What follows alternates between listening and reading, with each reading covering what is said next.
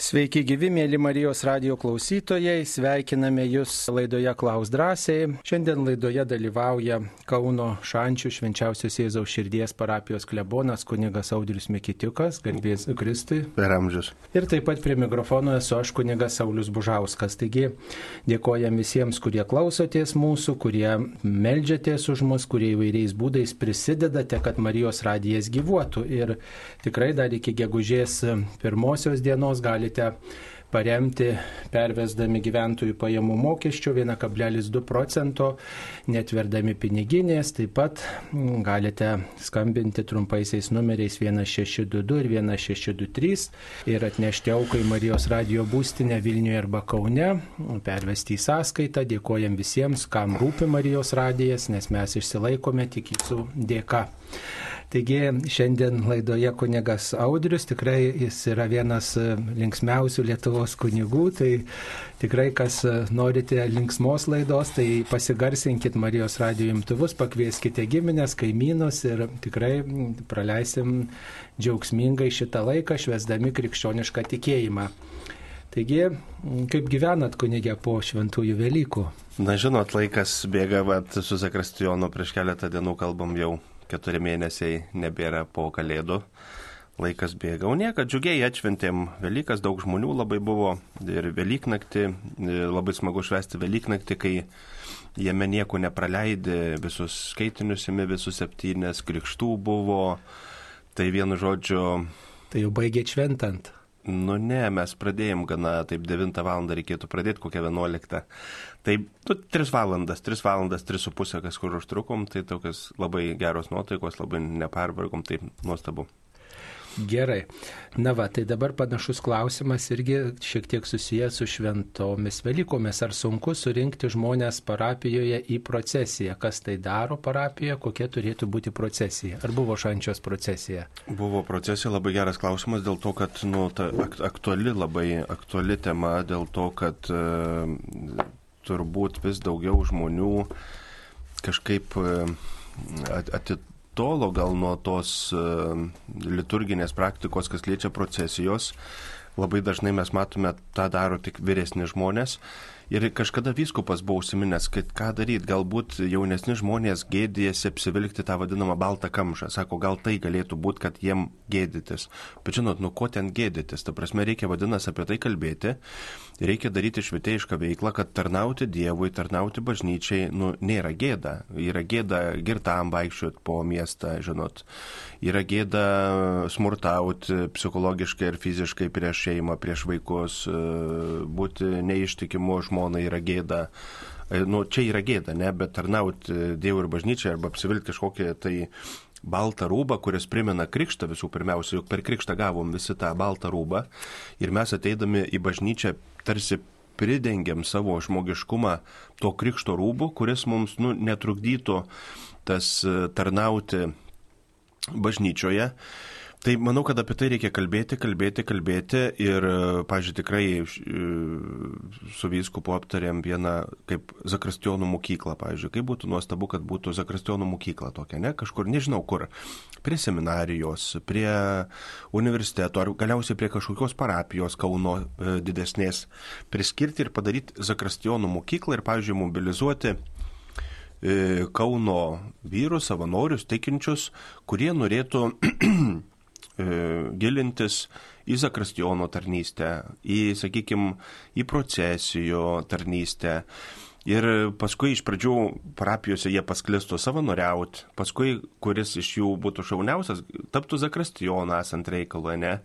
Nu, va, iš tikrųjų tų zakrastionų trūksta, nes dabar kunigai, kai pasikalbam tarp savęs, ačiū Dievui, kad Dievas to zakrastionos, galima sakyti, kad ir 90 metų, bet dar drūtos laiko, ne? Bet vis tiek e, jie nebus amžini, o galiausiai bažnyčiui reikia to naujo vėjo, su naujom idėjom, su atsinaujinimu. Vis tiek naujas žmogus yra įneša daug e, naujų dalykų. E, galiausiai idėjų ne tik sugalvoti, sugalvoti aš galiu, aš vakarė, jeigu nemiegu per naktį, žinot, tai aš galiu tiek sugalvoti, kai reikam padėtų kažkas įgyvendinti arba įgyvendintų. Ir jeigu geras zakrastionas Tai nuo jo priklauso bažnyčioje, galiu pasakyti, nedrįščiau. Daugiau negu, negu, negu nuo klebo? Va, va, žinokit, tikrai, tikrai, nes jisai būna ir prie durų, ir prie altoriaus, ir kai žmonės ateina, ir kai išeina. Ir jisai būda tarp žmonių, kai rinkliavą daro, jis gali pakalbinti, sveiki, kaip gyvenat, jau vieną sekmanį jūsų nemačiau, kur buvo, ar viskas gerai, ne? Zakrastionas, žinokit, tikrai ne, ne ką mažesnis vaidmuo yra negu klebono bendra, bendravime su parapiečiais, su žmonėm. Tai va, ir iš tikrųjų turbūt mes, e, bažnyčia šiuo atveju, bent jau viskupiai, ilgą laiką, nu, nerošim tų žmonių, mm, sakykime, procesijos būtų dalyviais, ne? Kad, pažiūrėjau, procesijų dalyvis kiekvienas, jeigu parapijų yra, ir jisai turėtų savo tarnystės pavadinimą. Pavyzdžiui, jeigu paim tą vadinamą baldakimo nešti, reikia kiek? Keturių vyro, ne? Ir aš manau, kad yra blogai, kai kiekvieną kartą, sakykime, per šventę atėjęs vyras, jis gauna vis kitą tarnystę. Vieną, vieną per atlaidus jis baldakimą neša, per Velykas kryžių neša, žinot, per kitus atlaidus jau ten, e, vėl, gal smilkituvą, ne? Tai gal taip įdomiau, kad įvairių tarnyščių paragauja žmogus? Įdomiau, kai esi jau profesionalas. Jau kai tu viską žinai apie vieną, ne, bet iš pradžių žmogui, kad jisai būtų tikras ir ramus. Kad kaip čia kas, kaip čia ką, pažiūrėk, kad ir tą baldakimą nešti. Nu reikia mokėti kaip ir karstą nešti. Jeigu dabar visi, kurie neša karstą, nesuderintų žingsnių, tai jie visi nuvirstų su to karstu. Būtų iš visas pusės building, building, building, ten ne. Jie pradeda vieną koją ir, galima sakyti, žygiuoja. Lygiai tai pačiai su baldakimu. Pavyzdžiui, labai dažnai neša baldakimą, vienas aukščiau iškėlęs vieną kampą, kitas nuleidė, žinot, yra ne taip su pakrypusiu stogo, ne? Ir tada pasakai, vyrai, biški išlyginkit čia tą baldakimą, ne? Tai va, jeigu tu pastovę tarnystę turi, ne? Tu pas, visi jau žino, kad kokiam lygiai, kokiam aukštai, akių lygiai ten nusižymėjai kažkokią mirką ant tos, ne, kad akių lygiai, vienu žodžiu, ir kad tu vat neši, kad būtų lygų, kad estetiška būtų, ne. Jeigu ten žmogus priskirtas ten kokį šviestuvą nešti, kad jisai turėtų tą savo šviestuvą, kad tas šviestuvas, jeigu pamatytų ten koks stikliukas išdužęs, ne, kad jisai pats galėtų pasirūpinti, va tą stikliuką reikia man pakeisti, žinai, ir sakytų, klebonė, aš tą šviestuvą noriu parsinešti namo savaitėj, aš ten su kaimynu garažiukiai, mes jį, vienu žodžiu, tą stikliuką nudažysim ir noriu pakeisti, ne. Tai va, iš to seka labai daug e, dalykų, bet su žmonėm reikia dirbti. Ne taip, kad jie ateis savaime, savaime, savaime kažkaip. O kai žmonės ateina į bažnyčią, tu praktiškai ateini jau į bažnyčią, nu tiesiog va taip, ne? Ir staiga prieina kažkoks žmogus ir sako, klausyk, ar negalėtum čia va padėti panešti? Nu žmogui šokas. Šokas ir jis sako, ne, ne, ne, ne, ne. O jeigu kas, kurį ir prikalbina, tai jis yra nedrasus, nes jis nežino nei ką, kaip, nei kiek, nei, va, nu, netaip turėtų būti. Turi būti procesė, kad ir patos Velykų susirinkti savaitę prieš, susidėlioti, kas kano rūbai, ar nesuplyšę niekas, ar, ar švaru, padaryti repeticiją, kaip išeisim, kur išeisim. Ir tada Velykų rytą ateini, kad tu būtum ramus. Lygiai taip pačiai, žiūrėkit, kai vyksta e, asista katedroje, ne? Taigi būdavo klerikai, repetuojam. Sekmadienį žinom, kad reikės ten šventimai, kokie bus, ar, ar, ar dar kažkas. Tai dieną prieš ar dvi prieš repeticiją vykdavo porą valandų. O jeigu nerepetuotum, tai čia nežinau, tie klerikai tik įstoja į seminariją, tai juos čia rastum jūrbarkę visus po tų mišių nu, nuklydusius. Tai nesurinktum čia jų vienu žodžiu, vienas į vieną pusę nueitų, kits į kitą nužygiuotų. Tai va, ir tos repeticijos, ir žinot, turbūt aš taip manyčiau, kad tikrai yra labai didelė terpė su Kauno tikinčiais vyrais dirbti vat steigiant tą, galima sakyti, kaip ir trečio amžiaus universitetą, tą mokyklą, Zakrastijono mokyklą ir procesijos dalyvių mokyklą, juos supažindinti, pažiūrėjau, tas baldakimas, kodėl jisai nešamas. Ką reiškia vieną dalyką nešti, kodėl jisai reikalingas, kodėl, kodėl per vieną šventęs daugiau reikia, kaip čia sakyti, reliktų nešti procesijoje, ne, o kitą kartą gana tik kryžiaus. Ir va, ir su tais procesų dalyviais dirbti, dirbti, kad jie toj tarnystėje jaustųsi, žinodami istoriją, prasme ir reikšmę. Bet gal čia toks samoningumas reikalingas žmonių? Nu tai jeigu dirbsi su žmonėm, jeigu padarysime tą, pavyktų mums padaryti tą Zakristijonų ir procesijos dalyvių mokyklą ir kad žmonės galėtų savanoriauti ir, ir džiugiai tą daryti savo parapijose, nu aš manau, kad e, būtų labai smagu. Ir, ir jeigu tokių žmonių atsirastų, tai aš noriu paraginti, e, skambinkit savo parapijo kunigam, užeikit po mišių, kad va, norėčiau kažkaip įsilieti į, į procesijos dalyvių savanorių gretas ar, ar kažkaip noriu, tai jeigu atsiras poreikis, mes tikrai tikrai iš karto sureaguosim į, į tuo poreikiu, kaip sakant, patenkinimą. Na va, o ką daryti kaime tokiu atveju?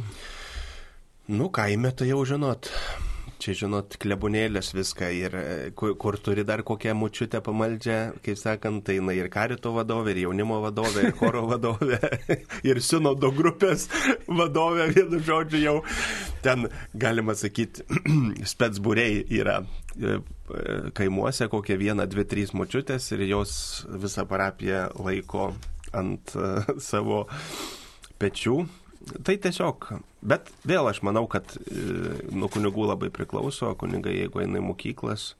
Nu, jeigu nėra tos mokyklos, tai ką te ten? Nu, tada reikia eiti prie parduotuvės anksti rytą, kol dar netidaryta ir rinkti, kaip sakant, mokinius. rinkti mokinius, pas kuriuos Jėzus atėjo tos atstumtus ir, ir, ir kitaip, kaip sakant. Kad jie taptų procesijų dalyviais. Taip. Gerai. Tai dar viena žinutė panašiai apie jūsų tarnystę, gerbiamas klebonė, kaip sekasi realizuoti tarnystės lūkesčių šančių parapijoje. Ar jau jaučiate savas, kas labiausiai liūdina, kas maloniai stebina?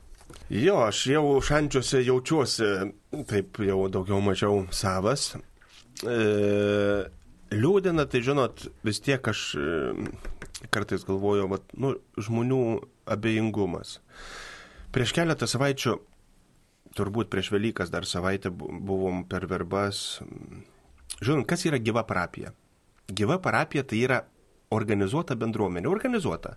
Juk ten negyvena kažkokie antžmogiai, ką mes vadinam gyva parapija, ne? Tai yra gyva parapija, tai yra organizuota bendruomenė. Kad būtų organizuota bendruomenė, ką tu turi turėti? Elementarius duomenis apie savo parapiečius. Ten nekalbu, kad vardas, pavardė, adresas, telefonas, profesija. Nu ir mes kažką panašaus sukūrėm anketas, ten profesija, ką labiausiai, kas patinka parapijoje, kas nepatinka, kas norėtumėt, kad būtų parapijoje, žinot. Ir mes, nu, va tokia, ne? Prispausdinom 500 tų anketų, čia galvojom, čia užpildęs, čia tuoj aš pristačiau ten iš kailio nėriaus, kas yra ta organizuota bendruomenė. Niekas žino, kad tų anketų niekas nenori, vienu žodžiu pasiliktų tą organizuotą bendruomenę savo, vienu žodžiu mes čia atėjom valandžiai, pabūnam ir dingstam iš tos bažnyčias. Nu, ir tas abejingumas, žinot, ar tai būtų elektroninė erdvė, ten tarkim Facebookas, ne parapijos, gerų darbų tarnystę turim, tokią virtualią, virtualų karitą turim. Joje yra virš šimto žmonių, aišku, tas yra labai patogu, dabar apgyvendinom ukrainiečių šeimą. Ir to gerų darbų tarnystėje turbūt yra gal šimtas žmonių, sakykime, narių. Aš tik iš vakaro parašiau, ko reikia, ryte jau viskas ant kiemo. O. Rankšluoščiai, žinot, jeigu tu turi karitą tą vadinami antžeminį, nu tai tu viską turi sandėliuoti, ne kažkur sandėliuoti visą kitą. O čia požeminės. O čia yra visi žmonės. Pogrindinės. Nu, visi žmonės yra tavo karito, jų namai yra savotiškas karito sandėliukai. sandėliukai. Ir kai tau ko nors reikia, tu, sakai, mėly mūsų geros dar, darnystės, ten parapijos gerų dar, darbų tarnystės nariai, pat reikia to, to, to. Aš parašiau indų, virdulį, rankšluoščių, ryte viskas suvažiavo į bažnyčią. Žinot, iš visų namų aš tik parašiau, kad parašykit kažką atvešit, kad nu, nebūtų dešimt virdulių ir ne vieną rankšluoštį, žinot. Bet veikiantis virduliai viskas. Jo, jo, veikiantis virduliai. Kas mane nustebina, nauji rankšluoščiai, žinot, nauja su kainom, su ne taip, kad, žinot, jau ten viską valėm. jo, aš buvau nustebęs. Va tas, va tas ir stebina, kai žmonės vis dėlto, jau tie, kurie atsiliepia, tai jie atsiliepia, nu, arba čiūžinių reikėjo vienas prapietsi, sako, nu gerai. Aš va, čiūžinį galiu nuvažiuoti, nupirkti, nuvažiavau, nupirku čiūžinį. Sekmanį, sakau, kur tu gausi sekmanį? Tai niekas sako, gausim, čia yra pažinčių. Atvežė čiūžinį. Nu, žinot, tikrai va tie dalykai stebina, bet ta visuotinė prasme tų žmonių abejingumas, sakykime, ne. Nu čia gal konkrečiam projektui susitelkė žmonės, va, reikia pagalbos, bet, tokia, sek, bet parapijiniam, va tokia, ne, kad aš vis tiek, jeigu aš einu sekmadienį į bažnyčią, kodėl aš nenoriu priklausyti, nu, jokiai parapijos grupė, ne? Aš, aš mano svajonė, kad visi parapiečiai, visi, kurie sekmanį švenčia, kad jie priklausytų. Nu, tai čia reikia įsipareigoti jau grupeliai priklausyti. Tai va, apie ką aš ir kalbu, kas va čia ir liūdina, kad niekas nenori įsipareigoti. Vienu žodžiu, aš noriu ateiti, kada noriu, aš noriu išeiti, kada noriu ir jūs čia mane neduokit jokių anketų, čia pasilikit savo tas anketas, aš kai norėsiu ateisiu, o kai norėsiu neteisiu. Tai va tas mane labiausiai liūdina. Arba sekmadieniai keturi metai žmonių prašau, kad dalyvautų liturgijoje sekmadienį, kad aš girdėčiau, kad bažnyčių yra žmonių. Atsakinėtų. Nu. Tai jau, jau, jau vieną sekmadienį taip pat klausiausi ir negalėjau atsistebėti, kad kažkodėl ten tai pavyka visiems. Bet aš manau, kad kai tu jų paprašai iš pradžių, jie pyksta, galvoju, nu ko iš čia iš mūsų nori, negana to, kad ateinam, negana to, dar iš čia, žinai, aš pats kartais jaučiu, kad žmonės tas, bet kita vertus, nu, man neįdomu. Man neįdomu, jeigu aš yra žmonių, bet aš negirdžiu jų. Jie ne, nu, nedalyvauja savo atsakymais. Aš nekalbu jau apie gėdojimus. Tai lyg, lyg, va, po keturių metų, kaip sakant, aš labai dažnai sakau, loju kaip kalė, kiekvieną sekmadienį. Tai kunigo darbą susidirbti jo, duona liežuviu, kaip sakė. Taip, dėl to ir sako, kad jog šuo neėstų kuniga ausies, jo, atkas liežuvį ir kuniga ausies, ne, nes vienas visi klauso, kitas prikalba. Tai va, vienu žodžiu, ir, ir yra gerų dalykų. Bet atrodo tie paprasti dalykai, va, kurie šiandien atrodo sunku, kiek nedaug reikia, kad jie veiktų. Nu įsivaizduokit, nu žmonės vis tiek, ką aš suprantu, dirba, bet, pažiūrėjau, jeigu tu galėtum į savaitę dvi valandas skirti savo parapiniai grupelį, kuriai priklausai. Ar tai būtų karitas, ne? Ar tai būtų maldos grupė. Nu, normalu, kad mes kažkam skiriam laiką. Žvėjai važiuoja žvėjoti, ne, per savaitę daugiau negu dvi valandas. Medžiotojai važiuoja medžioti daugiau negu dvi valandas, ne? Ten kiti, kur kompiuterinių žaidimų žaidžia, pražaidžia daugiau negu dvi valandas. Socialiniai tinklai atima ne po vieną valandą, ne? Kodėl nenorėt, vat, kai tu meldies maldą tėvę mūsų, te ateinė tavo karalystė nu tai tarnau, kad tos karalystės būtų daugiau. Ir aš sakau, kad malda būtų malda, tai reikia veikti, o ne kaip poezija, žinot, poezija, eilėraštį, pavyzdžiui, tu padeklamuoji, vai atsistojęs maironė eilėraštį, ne, bet tai yra poezija. Bet jeigu malda tampa kaip eilėraštis poezija. Pasakiau, bet man neįdomu, ateis ta karalystė, neteis, nors meldžiu, te ateinė tavo karalystė. Tai daryk nors, kad ateitų tavo karalystė. Tiesie tavo valia. Nu tai daryk, kad tos valios būtų daugiau, vadinasi, aš kažkaip turiu tarnauti, e, melzdamasis, kad tie žodžiai taptų kūnu. Bet jeigu aš tik tai meldžiuosi, tai yra poezija. Nu, poezija, pasimk ar Maironį, ar Bražionį, ar, ar Baranauską vienu žodžiu, ar tėvę mūsų maldą. Jeigu tu po tavo maldos neseka darbai, tai yra malda, yra poezija ir viskas, nieko daugiau. Taip, mums paskambino. Ačiū Dievui. Klausytoja Onutė iš Kauno rajono. Taip, Onutė, klauskite. Garbėjas, Per amžius. Aš čia dabar noriu paklausti ir apie dalykas. Sueinam į bažnyčią teisingai dalykus, garbiname, švenčiausia, mes džiaugiamės. Bet jūs man pasakykit tokį dalyką. Mes bažnyčių tai garbinam mokam. Bet jeigu išeina švenčiausiai išneša iš bažnyčios procesiją, tai žinokit, turguje tai tokių nėra pasikalbėjimų. Ką daryti mumis, kurie mes norim tikrai išklausyti ir praleis, kad parėję parsineštum džiaugsmai į namus, o ne liūdėsi koks turgus vyksta. Nereiktų aiškinti, kuo daugiau, kad būtų ramybė einant į bažnyčią. Kad būtų seniau, žinau, aš buvau jau garbaus amžiaus. Buvo pasakyta, būdavo klebonas, pasakydavau. Jeigu norit pasikalbėti einant procesiją, prašym išeikit už šventoriaus. Duokit ramybę. Mes norime, jeigu garbinam, tai mes turim ir laukia jį garbėti. Taip, supratom. Taip, supratom, ačiū.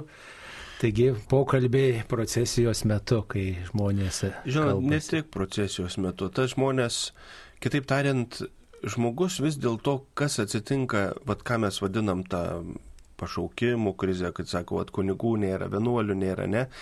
Kas atsitinka, sakykime, Europoje su žmogum, nu, tai Europoje dėl to, kad, nu, gerai gyvenam, iš tikrųjų gerai gyvenam, ne?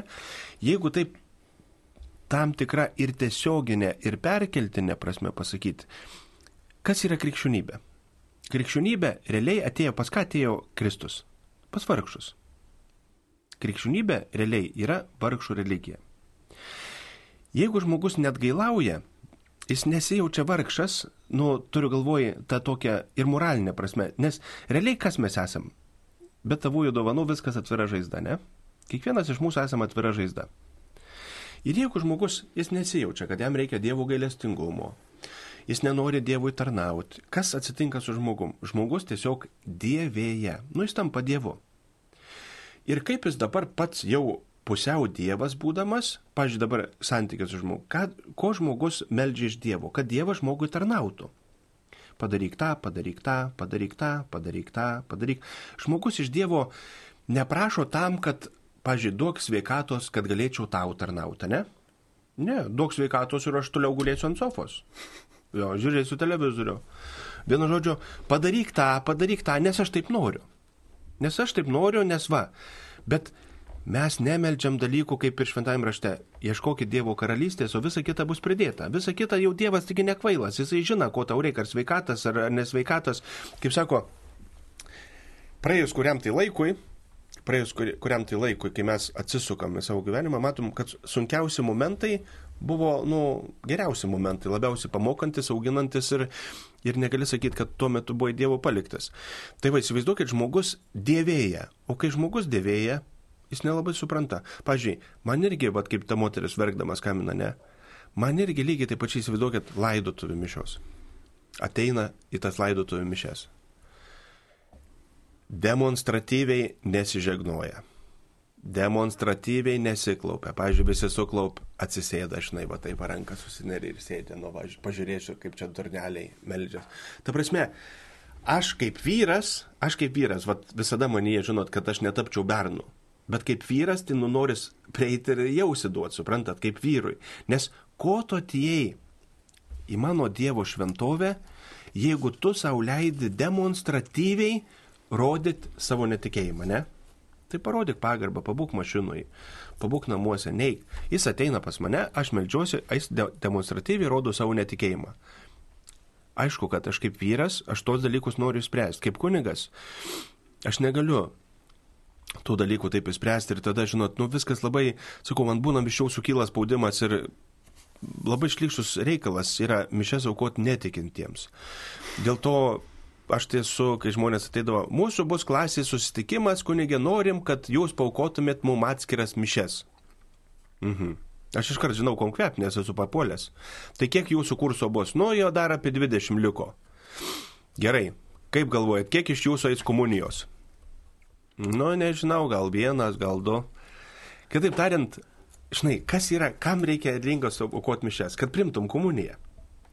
Nu, žmonės šventės nori, va taip. Tai va, įsivaizduok, padaryk mum renginį, mes tau duosim 50 eurų vienu žodžiu, nes, aktor, nes aktorius už tiek nesutiks vienu žodžiu, nes aktoriui biški daugiau reikės už, už, už valandą, O tu, kadangi čia vienas iš pigesnių, kaip sakant, šiais laikais e, aktorių, prašau mum vat, suvaidink tokį, parodyk, kaip čia viskas vyksta ir mes pažiūrėsim susirinkę. Man tai yra šlykšta, aš sakau, jeigu neįsite iš pažinties komunijas, tai aš neaukosiu tų mišių, vienu žodžiu, aš tą vadinu kunigo komunijos prieimimas netikinčio akivaizdoje, žinau. čia toks, čia toks Bet gal geriau ateina tas pagonis ar netikintis, ar abejojantis, tai vis tiek jo kai, širdį beldžiasi kažkas. Kai, kai kada galima, aišku, kelti tos klausimus, ar tai yra geriau negu nieko. Aš vieną dieną galbūt kartais irgi turiu žinot, nu, bet gal gerai, kad atėjo. Nu, bet žinot, nu, kiek mes džiaugsimės tuo, kad pagaliau, va, žmogus, kaip sakant, atėjo į bažnyčią parodyti savo bejingumą, ne, arba savo netikėjimą. Tai čia man labai didelis džiaugsmas turi būti. Galbūt. E, dėl to gal visi kunigai ir yra su skirtingom dovanom, kurie vieni taip mato, kiti taip mato. Ir, bet man kartais iš tikrųjų, vat, iš tos teisingumo pusės, matyti tą dem, demonstratyvų netikėjimą ir bažnyčių, ir, va, kaip sakė, procesijoje. Nu taip, vat, žmogus dėvėja. Ką su tuo daryti, kad žmogus dėvėja? Nieka. Niekada kitaip ir nebuvo, kai tik nelaimė žmogų gražina į jo vietą, o ne geras gyvenimas. Per gerą gyvenimą žmogus vis tiek jis visada nori konkuruoti su Dievu. Jisai, taigi gimtoji nuodėmė kas yra? Konkurencija su Dievu. Bet ką sakė šitonas? Jūs būsite kaip Dievas. O, tai čia labai gerai. Visi norim, žinai, būti kaip Dievas. Nu, prašau, vad geras gyvenimas ir mes pradedam konkuruoti su Dievu. Kas prasideda? Gimtoji nuodėmė. Ko mums nereikia? Mums nereikia Dievo. Vat aš noriu būti kaip Dievas, aš noriu spręsti, aš nenoriu priimti Dievo valios ir aš manau, kad taip kaip aš manau yra geriau negu taip kaip Dievas yra, žinot, kalbėjęs Biblijoje, šventuose raštuose ir visur kitur. Nu ir to žmogaus dėvėjimo, proble dėvėjimo problema jinai išriškėja ir tada žmogus pameta prasme, e, nu žiūrėkit, tų raminamų vaistų, ne, e, visko, žmonės nu niekada tiek nevartojo kaip dabar. Jeigu tu vis tiek e, religija, dievybė, jeigu žmogus jis turi ką garbinti, išsprendžia begalės jo nu, kaip čia sakyti, vidinių, vidinių dalykų, nes žmogus jis nori turėti santykių su dievybė. Ir jeigu jisai neturi jo, jį kažkas vis tiek turi tą jo alkį kompensuoti. Kažkas tai turi tą padaryti. Ir žmogus tiesiog pradeda jausti tą vidinį ne, tuštumą, prasmės pametimą. Aš nekalbu, aišku, apie lygas, kur žmonėms būna, sakykime, jau ten cheminiai procesai vykstantis, kai yra tikrai ne dėl to, kad ten ir tikinti žmogus gali susirgti depresiją ar kit, kitom lygom, kur. Bet dažnai žmogus vat, pameta tą prasmės dėl to, kad tu nu, neturi Dievo, kurim, kurį tu galėtum mylėti, garbinti.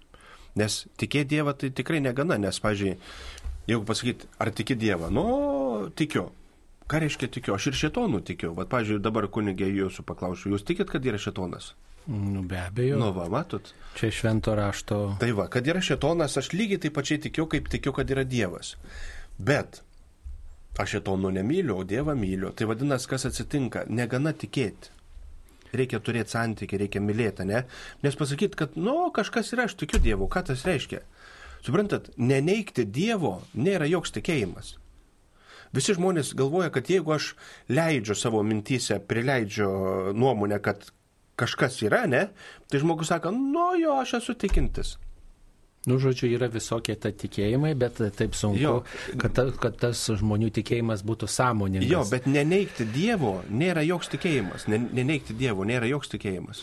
Tai, žodžiu, apibendrinant apie tą moters klausimą, žodžiu, kad procesijoje žmonės nesikalbėtų, yra gana keblu turbūt. Aiškink neaiškinės. Nu, negalėčiau sakyti, kad aiškink neaiškinės, bet metu, tu tų žmonių, tu jų niekada nematai tik per Velykas, jie ateina. Taip. Nu, da duok Dievę, kad dalis per Kalėdas, ne?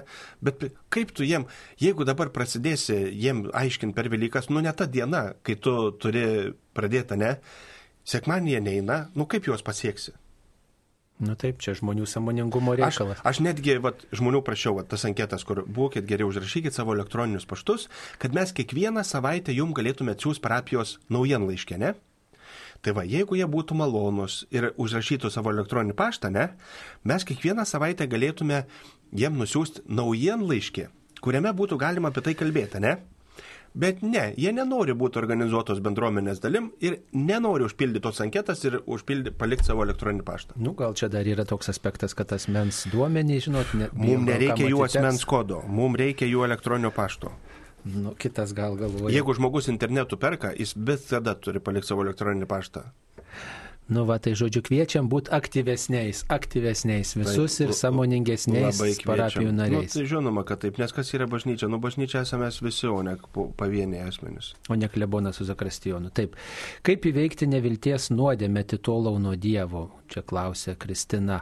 Ar jums teko patirti nevilties akimirkų? Nu, žinot, čia šitie dalykai mus gelbė dėl to, kad uh, turim valią. Kai kurios dalykus reikia tiesiog, nu, vat, valios pastangom, kas gali, vieną kartą atsimenu, dar kol nebuvo pandemija, dar kol kas neįsijungiau, bet kol nebuvo pandemija, eidavau sportuoti.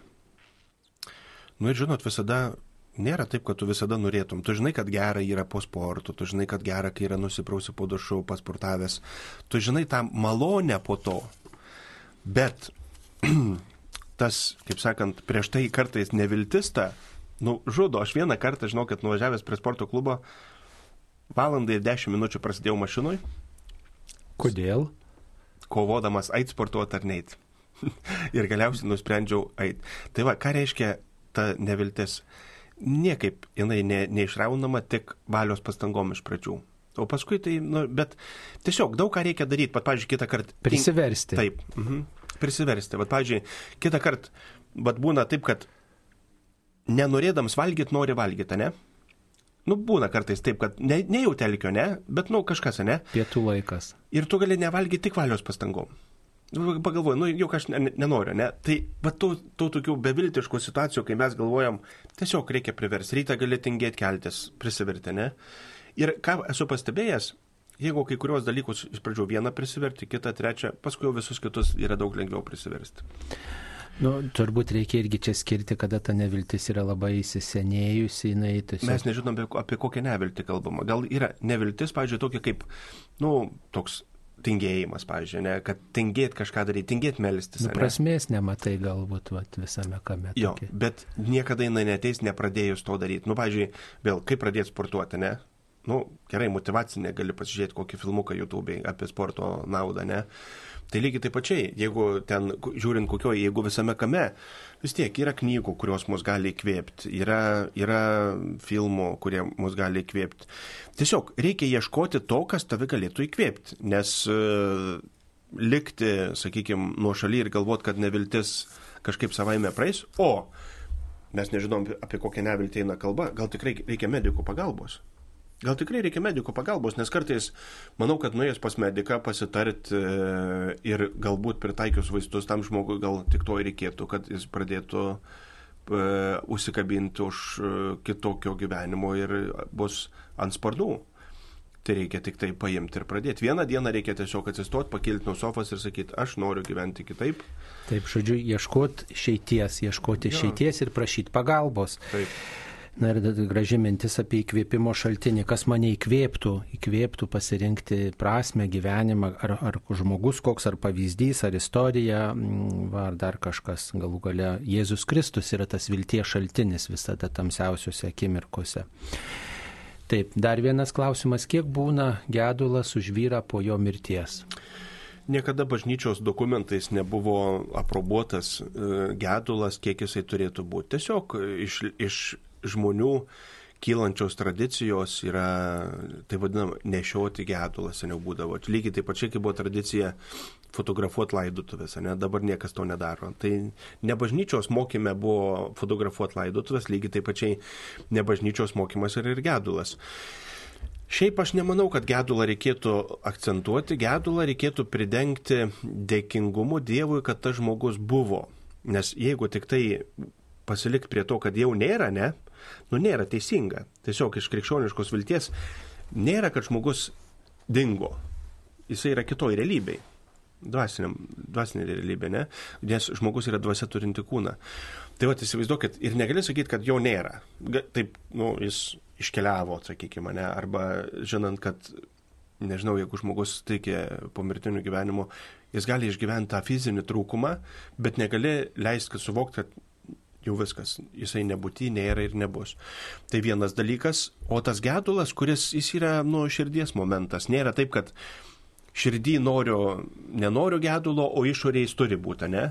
Ne, jis tiesiog turi būti, e, čia jau netokie laikai, kad turėtume kažkam meluoti, nešioti kažkokią, tai žinot, juodą skarą, ar, ar ten kažkokį kaspiną juodą, vien tik dėl to, kad turi praeiti kažkoks laikas. Manau, kad šiandieną žmonės labai puikiai atskiria, kai nori pagėdėti, nuvažiuoji į kapines, pasėdi, paverki ir vėl toliau gyveni savo gyvenimą ir gali po savaitę, žinot, jeigu tau juokinga ir pasijuokti, o ne tai, kad bijot nusijuokti vien dėl to, nes aš dabar turiu gėdėti. Nu, čia turbūt svarbiausias dalykas, kad nereikėtų užstrikti tame gedulė. E, Gal Tiesiog turi būti natūralus procesas, natūralus procesas, kur jeigu liūdna, tai nu, ir reikia išliūdėti ir išgėdėti, ne? Bet negali tai padaryti, kad tai būtų va, tarsi gyvenimo kažkoks. Taigi toliau bėga gyvenimas, žinot. Taip, psichologai sako, kad mažų mažiausiai po metų jau reikėtų su bet kokiu gedulu taip maždaug jau susitaikyti, priimti tą tikrovę, gyventi savo gyvenimą, aišku, tai prisimeni gal kas buvo tą žmogų, ar tai būtų vyras ar, ar, ar šeimos narys, bet jau po metų na, tas liūdėsys turėtų šiek tiek sumažėti. tai Taip, va, jeigu užstringame, tai tada jau reikėtų psichologų pagalbos. Jo, bet vėl, tai, žinot, Tai čia bendra tokia taisyklė. Jo, nėra lengvų gyvenimų, tiesiog vienam vienas, kitam kitas, kaip aš dažnai sakau, nu ką reikia keltis, nes diena pati nesusigadys, reikia keltis. Sugadinti, ne? Taip, dabar mums paskambino. Monika iš Klaipėdos. Taip, Monika, klauskite. Sveiki, turiu Sveiki. keletą klausimų. Taip, Noriu paklausti, ar suspenduotas kunigas turintis oficialią šeimą, turiuomenį žmoną ir du vaikus, gali eiti kapeliono pareigas ligoninėje? Mm, tai čia reikėtų jums kreiptis į viskupijos vyskupą, kurioje tas yra ir tada visas tas aplinkybės įsiaiškinti. Aš manau, kad, atsiprašau, aš biškai, kas dabar ligoninės yra labai populiaru, tai e, silovadiniai pagalbininkai. Asistentai. Asistentai, jo. Tai aš manau, kad jisai, ko gero, čia bus kalba apie dvasinį asistentą, kuris, kaip sakant, kadangi buvęs kunigas ir, žinot, tą kunigystę nuslėpti labai sunku tai gali jisai, kaip sakant, dvasinis asistentas toks aiškiai buvęs kunigas, jis tiesiog, nu, va, toj kompetencijai jis gali, nu, šiaip jis, ne, jis negali būti kapelionas. Jis kapelionas, tai turi aukoti mišes, klausyti iš pažinčių, ne, visa kita. O jisai yra dvasinis asistentas, kuris, aišku, tą daro, kaip sakant, ir... ir manau, Parengiamą į darbą tokį ja. sakramentams padeda pasiruošti, paksikalba su žmonėm, tai tada tokiu atveju įmanoma. Bet čia, žinot, įsiaiškinkit su savo visų. Ar jūs galvojat, kad jis aukoja mišes? Taip. Jeigu, jeigu aukoja mišes, tai tada apie tai reikia pranešti savo viskupijos vyskupui. Taip. Ačiū. Bet sakė, dar vieną klausimą turi. Taip. Taip, ačiū Jums už atsakymą, turiu dar vieną klausimėlį. Taip. E, ar gali būti skirtingose viskupijose skirtingi įstatymai dėl santokos sakramento? Telšių viskupijos parapijoje negalėjome gauti leidimo susituokti ir išklausyti sužadėtinių rengimo kurso. O Kauno ar arkiviskupijoje dar negavus leidimo tuoktis, gavome leidimą išklausyti kursus. Esame iš skirtingų parapijų. Ačiū už atsakymą. Jūs, aš atsiprašau, dar pasitikslinsiu. Ne, matot, leidimas reikalingas neišklausyti kursus. Kursus gali išklausyti bet kas. Pavyzdžiui, jeigu aš ne, net neplanuoju tuoktis, ne? Bet, pavyzdžiui, vat, man įdomu, nes aš vat, tiesiog noriu, ne? Ir aš be jokios parapijas, e, jokio leidimo einu į šeimos centrą ir išklausau kursus. Ir vienu žodžiu, niekam neįdomu, ar aš tuoksius, ar aš nesituoksiu, aš tiesiog noriu išklausyti kursus. Leidimo reikia Ir tas leidimas yra dažniausiai, žinot, toks oficialus, kaip čia pasakyti, nu, mandagumo išraiška, kad klebonas žinotų apie savo parapiečio, nes matot, kaip yra. Kadangi klebonas yra paskirtas tam tikrai parapijai, tai normalu, kad su tuo turėtų parapiečiai ir skaitytis. Kad tas dvasinis turizmas, kaip vadinamas, ne, nu, jis nebūtų, nes tada iškyla klausimas, tai kam tą kleboną tada skirti, jeigu visi, kada nori išvažiuoja, kada nori atvažiuoja, kur nori sakramentus priima, kur nenori nepriima, ne. Čia tiesiog yra, nu, kaip ir mes esame Lietuvos Respublikos piliečiai, tam tikro rajono piliečiai esame, ne tam tikros seninijos piliečiai. Tai lygiai taip pačiai tam tikros parapijos ir jūs einat pas kunigą paprašyti leidimo tuoktis už parapijos ribų, bet tai niekaip nesusiję su leidimu išklausyti kursų šeimos centre. Ar, ar, ar, ar ne taip? Taip turbūt jau padėjo ragelį. Tai...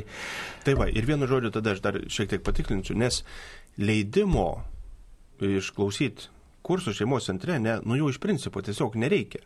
Reikia tik tai oficialaus, mandagaus e, ateit pas klebunėlį, kaip aš sakau, ateini, sakai, mielas klebunėlį.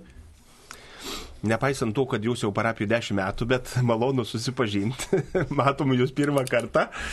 Ir vad su vyru nusprendėm tuoktis tokio ir tokio bažnyčio, ar galėtumėt mums parašyti leidimą tuoktis už parapijos ribų. Labai toks, nu, kleboniškas patarimas, kurie girdė. Geriausia yra tuoktis jaunojo parapijoje, jaunosios arba toj parapijoje, kur sužadėtiniai jau turi savo namus. Arba kurioje dažniausiai lankosi. Bendru. Nu, tas dažniausiai lankosi, žinot, per gyvenimą viskas pasikeis. Bet dažniausiai tai yra tas, tas, kur dažniausiai lankosi, irgi tai yra turizmas. Ir tas turizmas jis nėra gerai. Visada žmonės turėtų, nu, vieną dieną nuspręsti, kur bus jų gyvenimo bažnyčia kad jie galėtų ten tuoktis, krikštyti savo vaikus ir kad jie pravažiuodami sakytų, va čia mūsų parapija, ne? Bet jeigu tu ten tokies vienoj parapijai, krikštai kitoj, ten dar viena krikštai kitoj, tai yra tas turizmas, tai lygiai taip pačiai, kai žinai, vieną vasarą aš Kroatijoje atostogauju, kitą Turkijoje, ta prasme, nu nesu prisirišęs prie nieko. Parapinė prasme, nu realiai, bet tas nenorėjims priklausyti konkrečiai bendruomeniai, nu yra bažnyčios vėžys, tiesiog tai yra vėžys.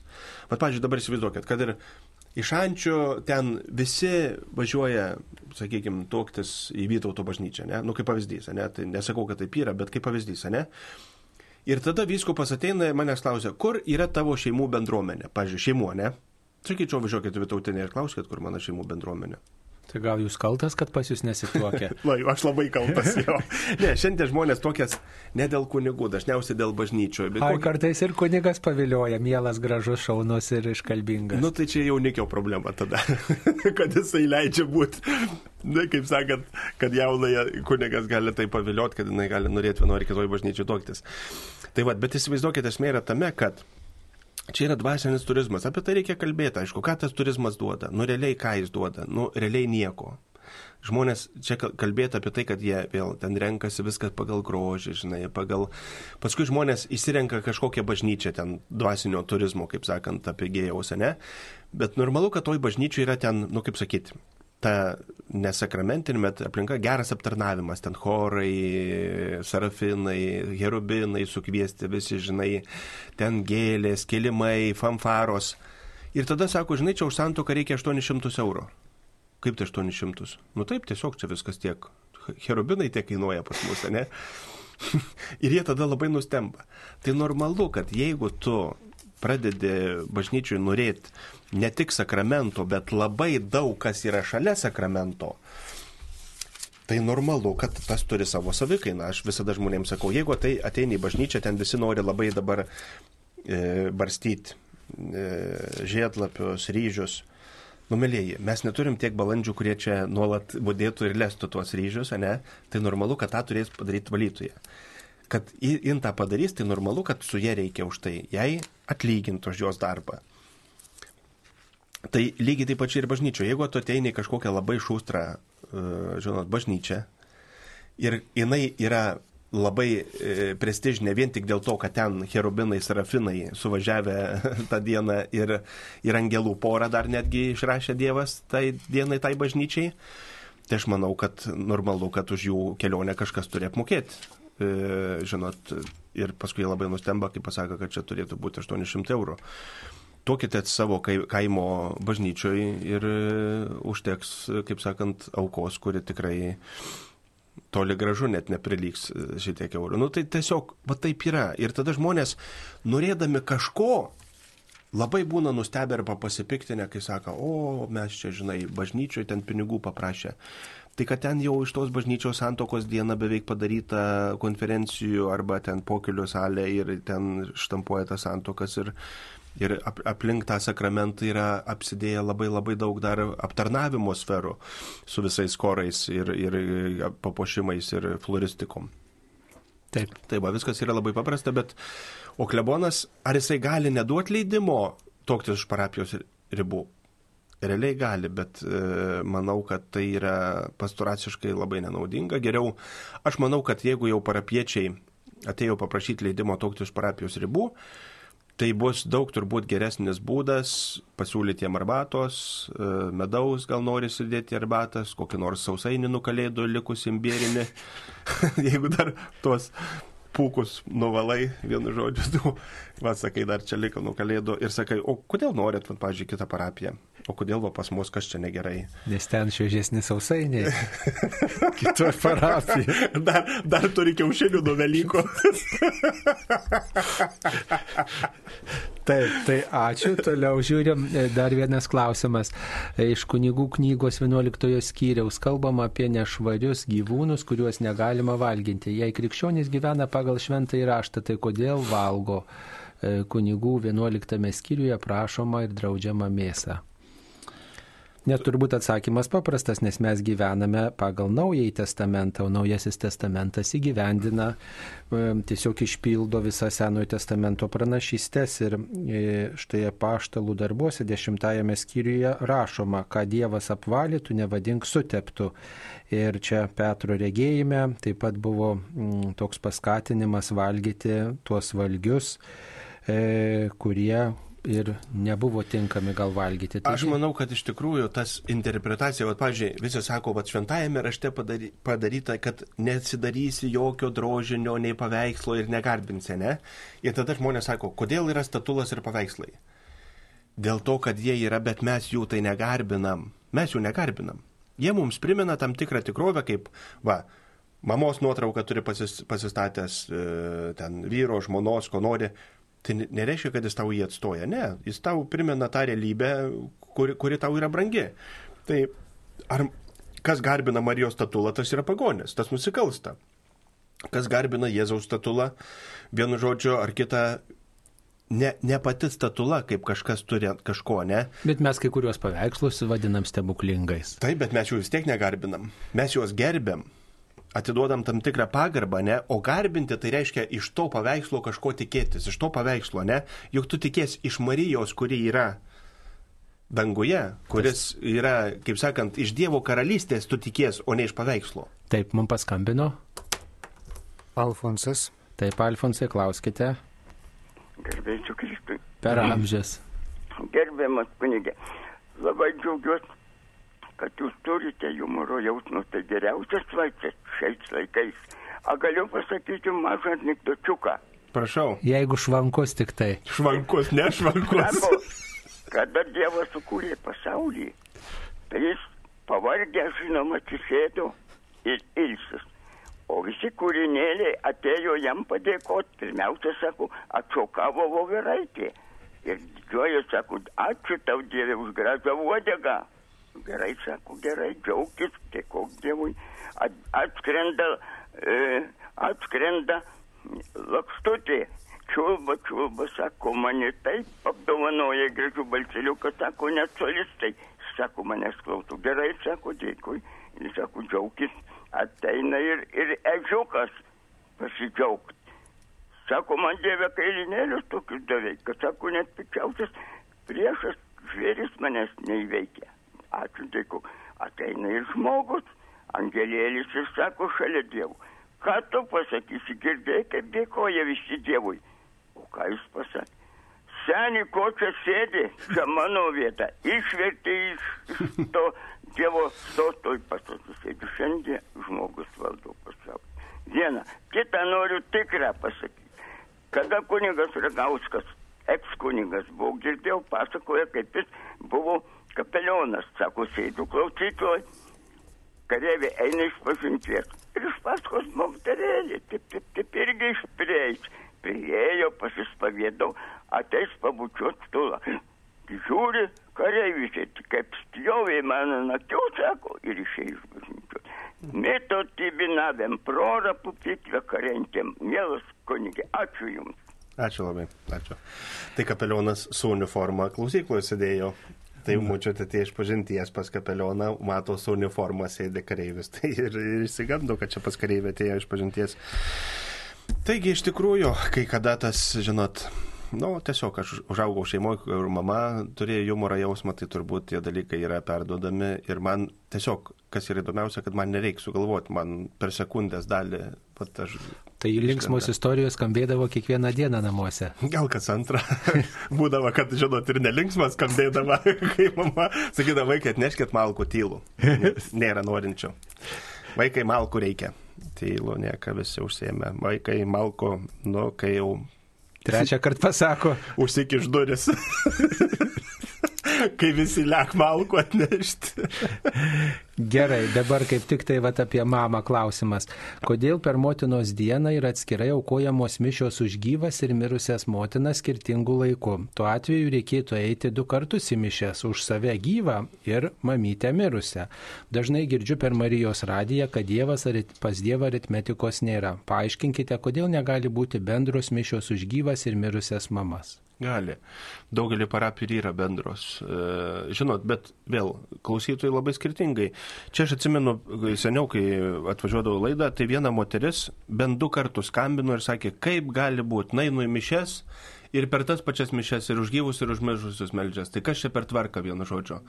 Tai reikia suprasti, kad Dievas yra regimosios ir neregimosios visatos kuriejas. Ta prasme, jam nėra atskirų kažkokių, žinai, pasaulio ten mirusių, gyvų, ta prasme, kad čia jam būtų neįveikiama kelionė ir su geležinė uždanga, žinai. Dievui esame visi pašaukti į buvimą, pašaukti į Dievo karalystę ir jau numirę ir dar nemirę. Tai visose bažnyčiose, kiek aš esu gyvenime buvęs, tai normalu, kad mišios vyksta ir už gyvus, ir už mirusius. Manau, kad taip yra tik tai nuo jūsų parapijai, kuri bus viena iš nedaugelio.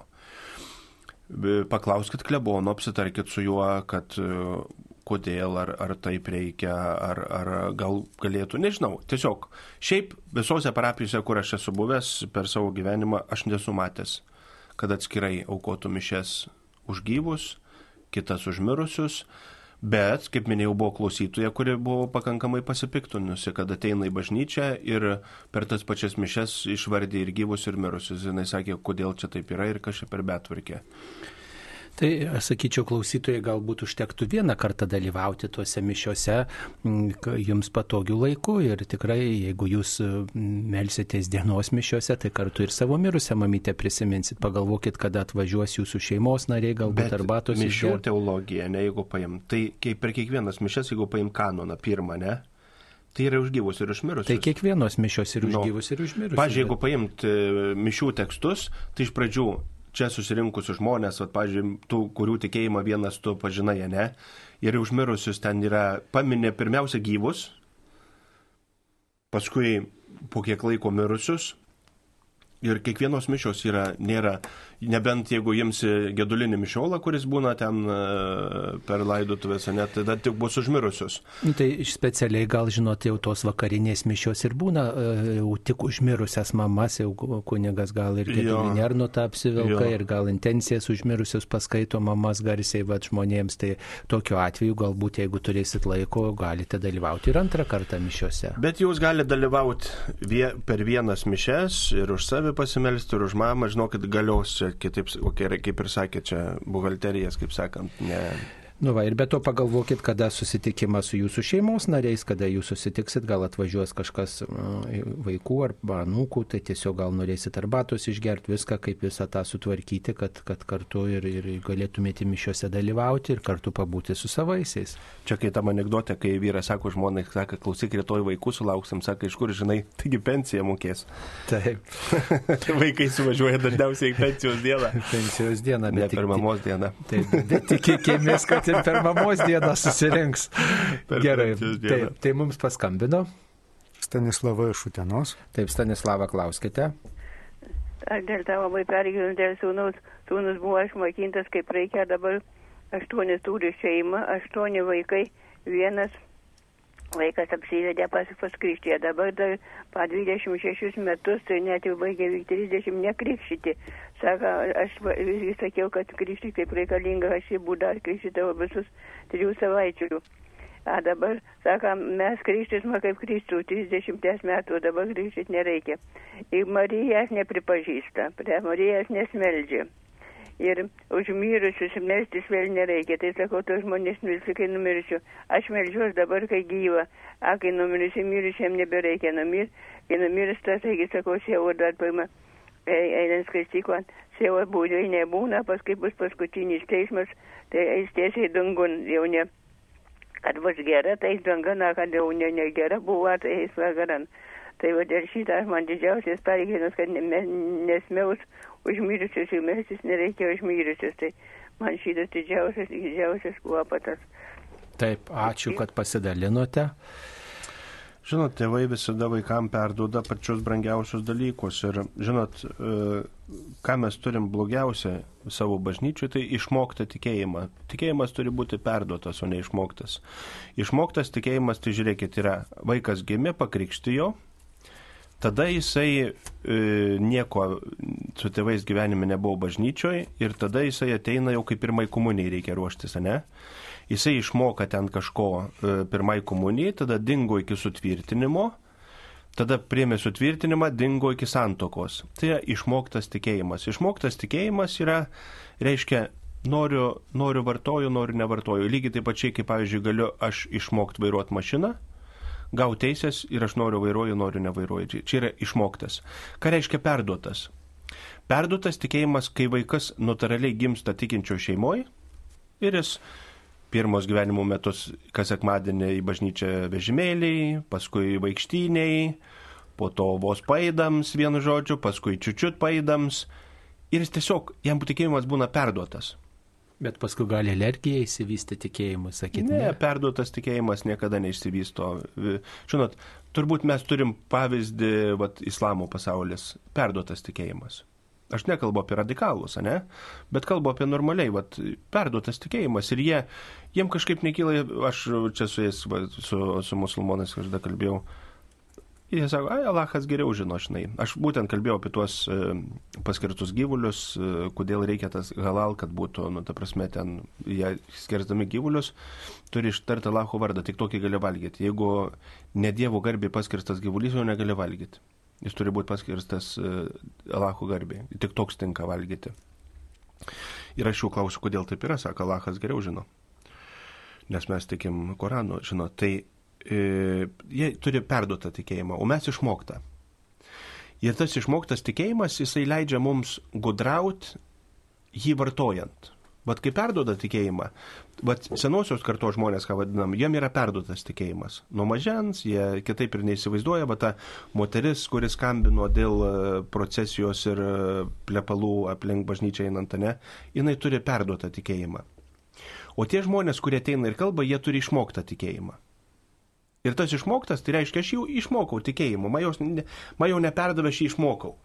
O kai išmokau, tai jis nėra gyvas išmoktas tikėjimas, suprantat? Ir, ir, ir mes turim, ką turim, dėl to, kad išmoktas tikėjimas, neperduotas, bet išmoktas. Todėl mes kalbam, mes visada bažnyčių turėsim tikinčių žmonių tiek, kiek mes turėsim tikinčių šeimų, kurios savo vaikam tikėjimą perduos, o neišmokins būti tikinčiais. Na, mėla klausytoja, tiesiog norėtume paguosti, kad nenusiminkite, jog ten vaikai galbūt truputį netaip tiki, kaip jūs norėtumėte.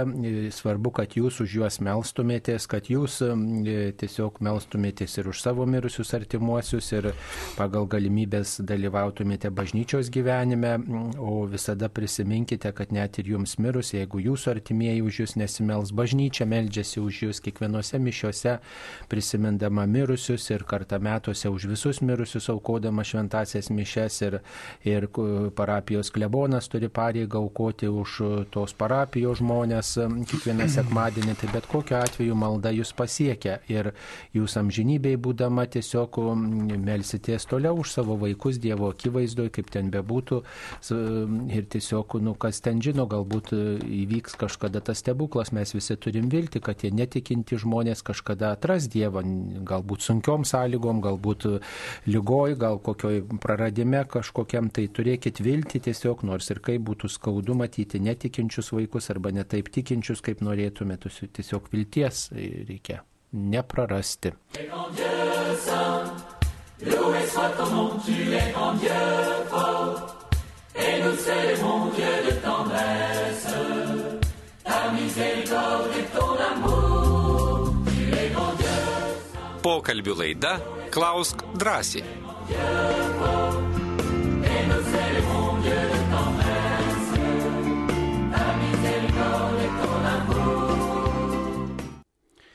Mėly Marijos radio klausytojai, po pertraukėlės vėl susitinkame su jumis, bendraujame. E, šiandien laidoje dalyvauja Šančių švenčiausiosios Jėzaus širdies parapijos klebonas kunigas Audrius Mikitiukas ir taip pat prie mikrofono esu aš kunigas Saulis Bužauskas.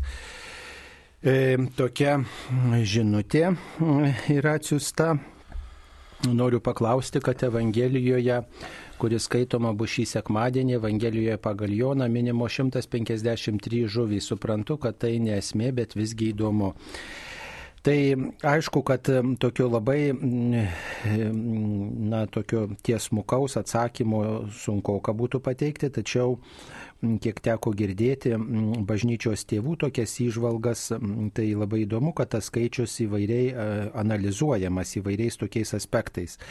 E, žodžiu, Kirilas Jeruzalėtis yra sakęs, kad šimtas tai yra pagonių visuma, dešimt kart dešimt yra šimtas, žodžiu, tokia šimtas reiškia visumą, pagonių pilnatvė. 50 tai reiškia Izraelio likutis ir 3 yra mm, švenčiausioji trejybė. Kitaip sakant, pagonys ir Izraelis surenkami švenčiausiosios trejybės šloviai, švenčiausios trejybės garbiai. Ir, ir visos tautos yra telkiamos į, į švenčiausios trejybės gyvenimą, yra pašauktos, kviečiamos iš, iš nuodėmės vandenų, iš blogio. Tai va vienas aiškinimas, na, šventasis Augustinas yra aiškinęs, kad dešimt tai yra Dievo įsakymai, penkiasdešimt tai yra sakramentai ir taip pat trys tai tai yra švenčiausioji trejybė. Žodžiu, mm, dar yra tokių kitokių aiškinimų, bet mm, esmė tokia turbūt, kad mm, tas skaičius reiškia tokią pilnatvę, kad visos tautos telkiamos į Dievo karalystę per bažnyčią, per apaštalinę bažnyčią, kurią sutelkė pats viešpats. E, jo, dabar klausau, bet, pavyzdžiui, dabar galvočiau, mm, jeigu taip iš kitos pozicijos, nu, dėl ko tai atrodo kaip burtai tam tikrą prasme, va, tie išaiškinimai, ne? Nu, dėl to, kad kai nori, iš tikrųjų, po kiek laiko gali viską pabūrti. Dabar įsivaizduokit, aš pagaunu 19 karoso, ne? Ateina ir sako, o ką reiškia 19? Kitas sakys, tai turbūt vieną cigarečių ir devynę lausą, ne? nu, reikia į parduotuvę nusipirkti, ne? Nu, tiesiog, čia yra būrimas. Įsivaizduokit, aš manau, kodėl šventajame rašte mes ne visada įvertinam, kodėl tai yra labai svarbu parašyti. Dėl to, kad kažkam tai padarė begalinį, begalinį, begalinį įspūdį. Žiūrėkit, jeigu buvo 153 ir jeigu kiekviena žuvis po kilogramą, ne? 153 kg. Tai yra žiauriai daug jau vienam žmogui nepatemti jau reikia dviejų, trijų. Ir tada, kai buvo labai daug, jiem padarė labai didelį įspūdį ir, nu, kažkaip reikia suskaičiuoti, kiek čia jų yra, jų nesusversi visų, ne? Ir suskaičiavo ir va, 153 ir tas skaičius labai lengva paskui atsiminti ir perduoti. Aš pasakysiu kitą atvejį. Mes ėjom Jokūbo kelią. Ir dabar jūs, pažiūrėjau, galėtumėte išaiškinti man, kodėl vienoje laiškuose, aš neatsimenu dabar kuriam laiške, bet jūs atsiminsite tokius žodžius, yra kažkokia istorija ir paskutiniai žodžiai - pūtė priešingas vėjas. Ir dabar pasakykit, kam, kam šventajam rašte turi būti parašyta, kad pūtė priešingas vėjas? Nu, kas čia dabar per teologiją pūtė priešingas vėjas? Nu, sunku patikėti, ne? Mes 2012 metais keturiese ėjom Jokūbo kelią. Ir tris savaitės mes ėjom beveik per lietų ir prieš vėją. Ir tada mums savaime supratom, ką reiškia, kad kodėl parašyta pūti priešingas vėjas.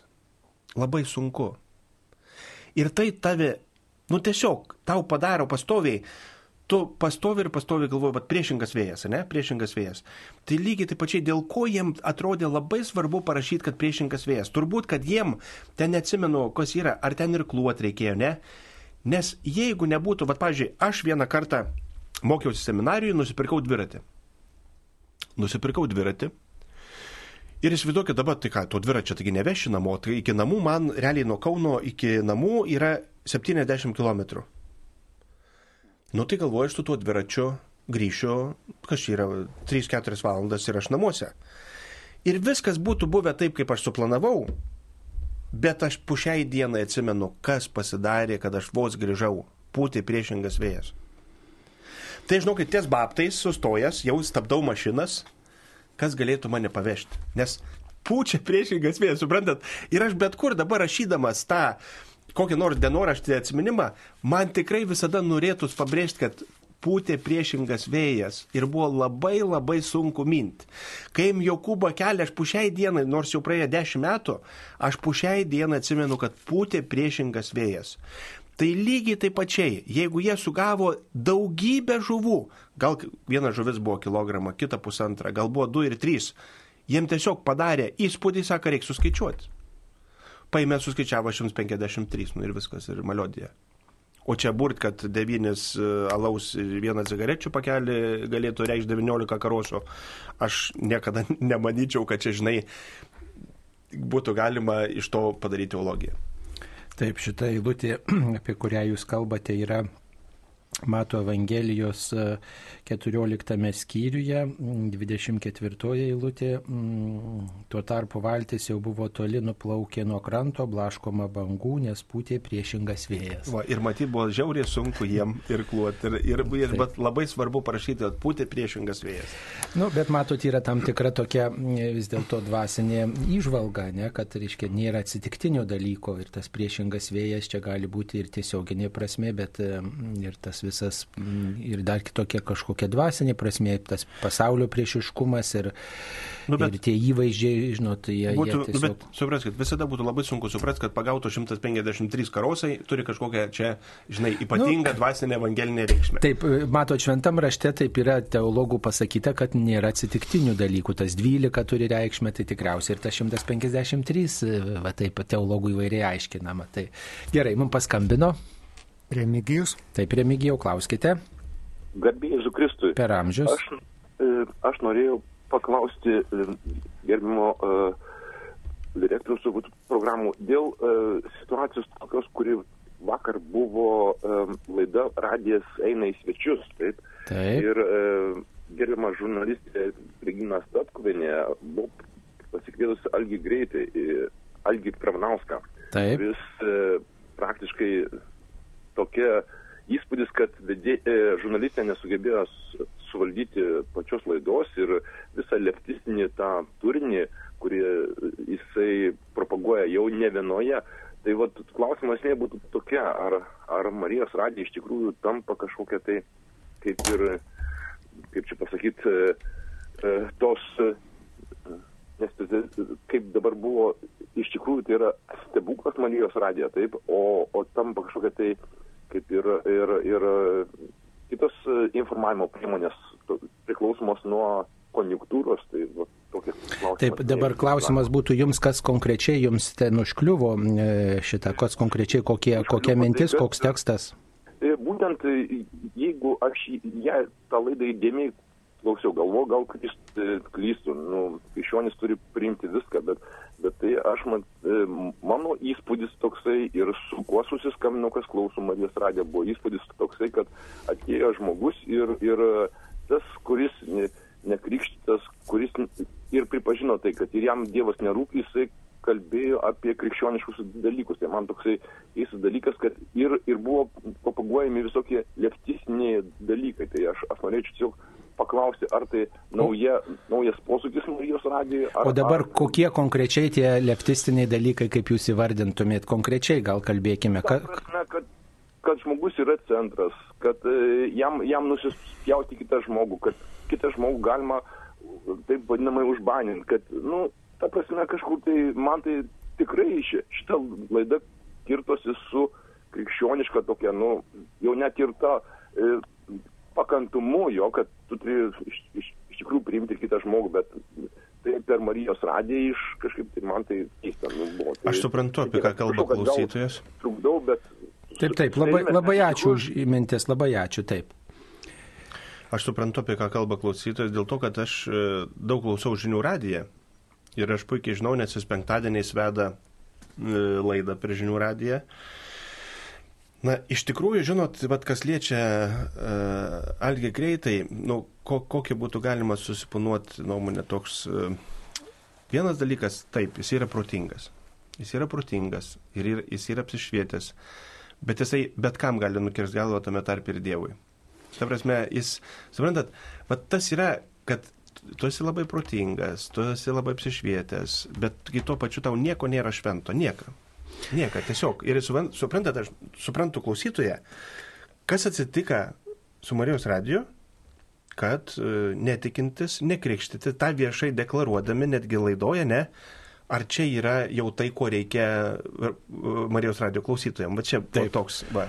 Tai dabar e, su visu atsakingumu galiu pareikšti, kad reiškia, matot, e, mes apie Dievą galime kalbėti labai skirtingais rakursais. Galime minėti ir linksniuoti Dievo vardą, galime kalbinti labai super pamaldžių žmonės, bet yra labai įdomu kartais pakalbinti ir tuos žmonės, kurie yra e, tokie truputį kontroversiškai vertinami ir kurie vis dėlto turi tam tikrus kažkokius principus bendrus ir krikščionėms. Ir kartais galbūt mums krikščionėms yra gera įsiklausyti ir į tuos, kurie nu, kaip čia pasakyti, truputį kitaip žiūri gyvenimą. Ir e, aišku, galima ten kalbinti buvo ir kitaip, ir, ir kitos temas svarstyti, galima buvo ir, ir diskutuoti su tuo su tuo laidos vedėju, tai čia yra kitas klausimas, bet, sakyčiau, Marijos radijas ieško ir, ir tokių žmonių, kurie būtų įdomus, tarp kitko mes jį pasikvietėm todėl, kad jis labai dažnai linksniuoja ir Marijos radijo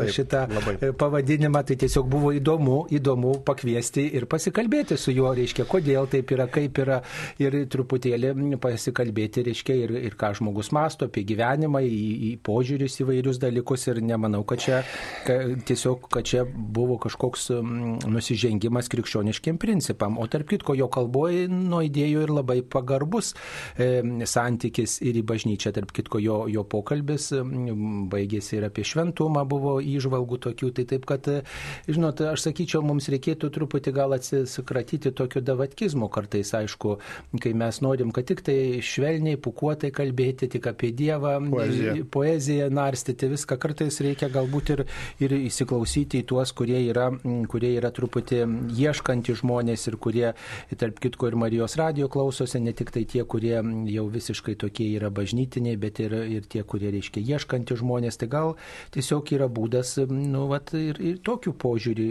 reiškia, atrasti. Tai, keletą minčių. Sakyčiau, nepas, aš nesusidariau tokio įspūdžio, kad jam nusispjauti kitą žmogų. Taip, ten buvo gal tokio priešiškumo, kai kuriems žmonėms išreikšta, kurie, kurie reiškia, komentuoja, kurie, kurie vat, iš to sovietinio laikotarpio, kurie vat, kaip tik tai viską žino. Na, tai galima buvo atpažinti tam tikrų tokių labai tokių įžvalgų, kurios, tarp kitko, labai atspindi gal jo charakterį, jo, jo, jo, jo leksiką, bet ne, ne, nesakyčiau, kad kažką užgavo. Kaip tik tai, jeigu kažkas užsigavo arba ten atpažino toj kalboj save, tai galbūt irgi yra būdas persvarstyti savo istoriją ir persvarstyti savo santyki su, su gyvenimu, su kitais žmonėmis ir, ir tikrai, sakyčiau, no, nebuvo peržengtos kažkokios ribos, nei neapykanta kurstoma, bet mes kalbam apie, reiškia, tą žmonių požiūrį, apie tos socialinius tinklus, kad ten kartais yra tikrai tokio visažinystės ir tuo pačiu ir neapykantos ir, ir tiesiog į tai reagavo laidos dalyvis. Tai čia o, nemanau, sakykit, kad... O ta laida tiesiog nebuvo ar yra? Ne, įrašas buvo. Įrašas. Tai va, bet ką aš noriu pasakyti, šiaip tikrai, jeigu Algis greitai, jeigu taip atsitiktų kada nors gyvenime, taigi jeigu jisai atsiverstų, ne? Taip. Ir... Jeigu jisai atsiverstų, tai žinot, kas būtų pan, kažkas panašaus man jisai yra, kaip buvo Saulis ir Paulius. Saulis ir Paulius, kuris uoliai tyčiojos ir persekiojo ir po to už tai atida gyvybę. Jeigu jisai, sakykime, Algis greitai kada nors gyvenime patirtų atsivertimą, jis tiesiog būtų ugnis Dabar į tą ugnis, kurie nu, visai ką kitą degina, ne? Bet jeigu, tai va, ir dar ką noriu pasakyti, jeigu tai buvo įrašas, kas buvo labai įdomu, aišku, nežinau, kiek tame, aš manau, kad jisai yra, Alis greitai toks, kaip sakyt, giliai širdėje, aš manau, kad jisai labai ieškantis Dievo. Taip, ir tai bet, yra įdomiausia. Bet jisai negali to pripažinti. Nu jisai nu, negali to pripažinti, jam yra gėda, dėl to tas jos patyčios, ne, yra jo pripažinimo forma. Vat jisai, ir ką jisai padarė penktadienį savo laidoj, atsisveikindamas su pašnekovo, žinot, ką jis pasakė, jis niekada to nėra pasakęs, te laimina jūs visus viešpats. Jis tą pasakė pusiau su patyčia, ne, bet kita vertus, nu, nepasakysi ten, žinai, jis, bet, suprantat, jis yra labai arti, bet labai toli. Nu, taip, jis čia yra giliausią savo troškimą tokį taip, parodė, galbūt jisai, pranokstantį į patį. Jisai yra ir arti, ir toli, bet jis niekaip neturi drąsos tai pripažinti. Tai va, kunigė, jūs labai gražiai vardinote, kad ieškanti žmogus, tai mums va tokie ieškanti žmonės ir kartais taip pat gali ir mus e, truputį ir pažadinti, ir, ir nu, va, paskatinti. Tai, tai to, tos laidos tikslas irgi ir yra, e, radijas eina į svečius ne tik tai kalbinti tokius labai bažnytinius ir pamaldžius uolius žmonės, e, bet taip pat ir tuos ieškančius žmonės ir, ir tikrai labai yra įdomu, kad va, sukelia tam tikras va, diskusijas. diskusijas diskusijas ir tiesiog skatina klausti ir ieškoti. Ačiū už nuomonės. Dabar mums paskambino. Klausytojas Algis. Taip, klausk. Algis greitai gal skambina. Norėjau kunigus paklausti, sakykite, Velykinis laikotarpis. Pas mus yra nuo sekmadienio iki sekmadienio, o ukrainiečių, reiškia, Velykinis laikotarpis yra nuo sekmadienio ir 40 dienų kaip čia suprasti, jie apie 40 dienų Pas mus, pas mus Velykinis tiktai- laikotarpis yra nuo Velykų 50 dienų, tai yra iki sėkminio, yra Velykų laikas, 50 dienų iki pat šventosios dvasios atsintimas. Tai nuo Velykų sekmadienio lygiai 50 dienų pas mus yra Velykų laikas. Taip, turėt galvoj galbūt iki Kristaus žengimo į dangų mm, iškilmės e, Ne, iki stačiati- sekminių. stačiatikių. Ai, stačia- stačiatikių iki žengimo, ne? Jo, kad kiek, kiek O, o pas mus Velykų laikas yra iki sėkminio, iki šventosios dvasios atsintimo 50 dienų. Taip, ir tada po sėkminių prasideda eilinis laikas. va. Taip. Arba mm, laikas po šventosios dvasios atsiuntimo, kaip anksčiau liturgijoje buvo e, numatyta. Taigi, ačiū klausytojams. E, dar viena e, žinutė tokia yra.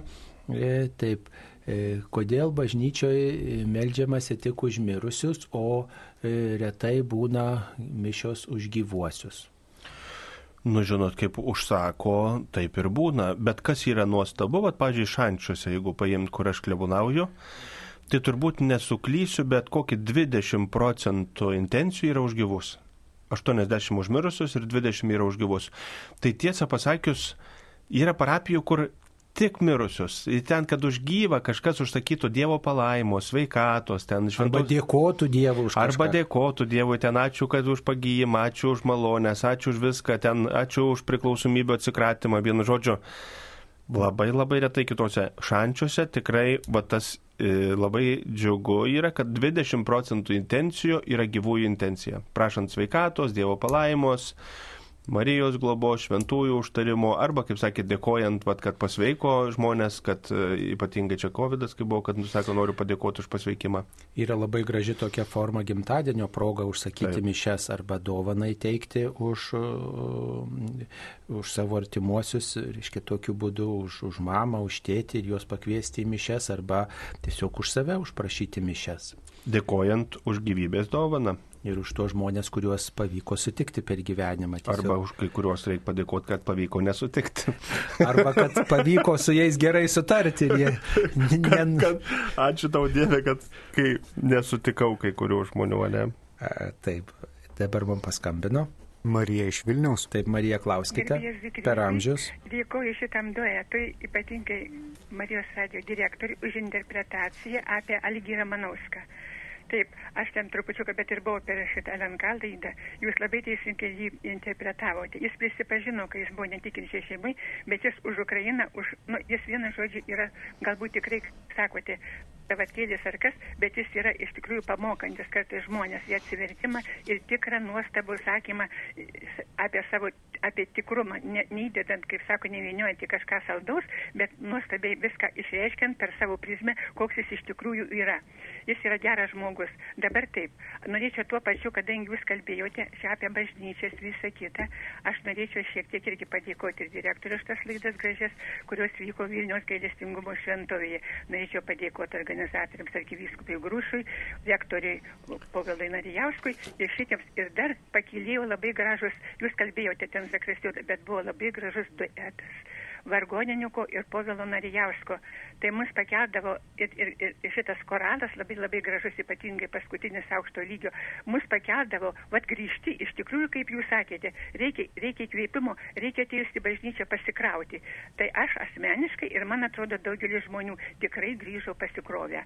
Dėkoju už jums, už viską, už tas laidelės geras.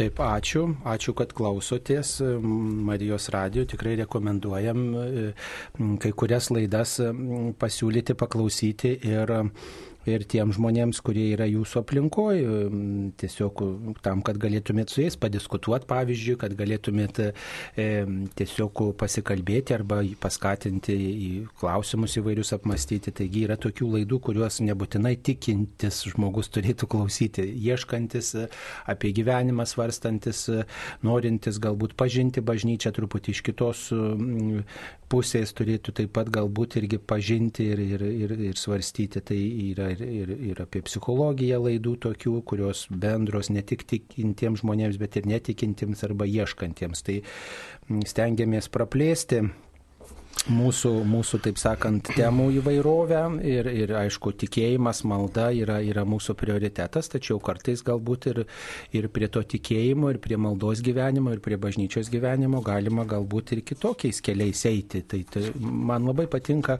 popiežiaus pranciškaus labai dažnai kartuojama žodis, tikėjimas turi būti kūrybingas, e, santykis su Dievu turi būti kūrybingas ir, ir čia tam, e, tam, tam mes visi galim pasirinkti pasitarnauti. Išmokom vienaip, mums perdavė vienaip, tačiau vat, patys kažkaip taip pat tą tikėjimą e, išgyventi, tą tikėjimą pagilinti, taip pat galim labai kūrybingai.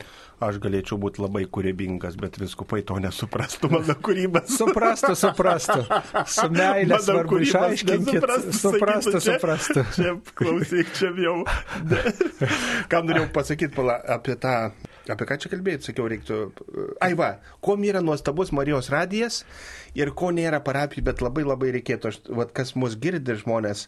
Iš tikrųjų, vat, moteris paskambino, nu, čia šiuo atveju jinai, kaip sakyt, padėkojo, ne, patiko ir visą kitą, bet kuo yra smagu Marijos radija, kad yra grįžtamasis ryšys iš žmonių. Tai. O, o parapijų nėra. Dėl ko aš tą užsiminiau? Mėly parapiečiai, vis tiek didžioji dalis žmonių parapijų, pavyzdžiui, vis tiek yra parapijos puslapis, ne, daug kas turi Facebooką, ne. Aš nesakau, kad ten turi rašyti komplimentus tik tai, ne, bet aplamai pastebėjimus. Tas grįžtamasis, grįžtamasis ryšys, ne, yra vienas iš nuostabesnių dalykų motivuojant toliau daryti kažką, ne. Bet grįžtamasis ryšys, kai kažkas, nu, kaip pavyzdys, žmona ten gali daryti valgyti vaikam, vyrui, ne.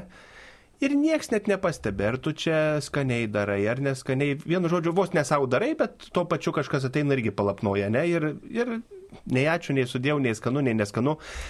Bet kur, ką mes bedarytume, kai nėra grįžtamo ryšio, tiesiog, nu, tai nėra labai didelė jėgos motivacijai. Todėl vat, Marijos radijai, dėl ko čia visiems yra labai gerai ir smagu palyginus, ne? nes yra visada grįžtamasis ryšys. Tai paskambina tuoj, tai savanoriai priema skambutį, tai kažkas pasakė, tai viską žmonės skambina. Bet ko nėra tradicijos parapijoje, kad būtų grįžtamasis ryšys. Dėl to, mėlyjei, visi, kurie girdit, aš labai noriu paraginti. Aš sakau, tai neturi būti vien tik komplimentai. Bet aš labai noriu jūsų paprašyti, savo parapijose turit kunigus, turit vikarus, va, turėkite tą grįžtamą į ryšį, kai kada prieit ir kad ir pastebėjimą kokį pasakyti, sakyti, ten klebonė, va ten norėjau pasakyti, ar ten taip ar taip. Pavyzdžiui, man anakart vieni parapiečiai sako, klausykit, ten vienas suolas yra bažnyčiai sulūžęs, ar nei tu jau sutvarkyti, sakau, eitų, bet aš niekada nežinojau. Taigi aš neinu į tą suolą e, sėsti ir žiūrėti, kaip aš mišęs aukoju, ne? Nėra grįžtamojo ryšio, tai tas suolas gali visus metus ten būti sulūžęs ir nebus grįžtamojo ryšio. Bet jeigu yra grįžtamasis ryšys, tai vienas gali ateiti, ten duris neužsidaro, e, laiptai slidus, vienu žodžiu, suolas sulūžęs, lemputė nedega, ne? Ten grįžtamasis ryšys. Ir tas grįžtamasis ryšys yra vienas iš nuostabesnių dalykų, tame tarp įskaitant irgi labai gerą vat, girdėti, kai žmonės pasikrauna, grįžta, nu tiesiog tai yra motivacija. Tai jeigu vat, parapijose žmonės turėtų tą didesnį grįžtamą į ryšį, tai būtų labai labai nuostabu. Ačiū. Taip, mums paskambino. Valerija. Taip, Valerija, jūs eteryje, klauskite. Labą dieną. Labą dieną.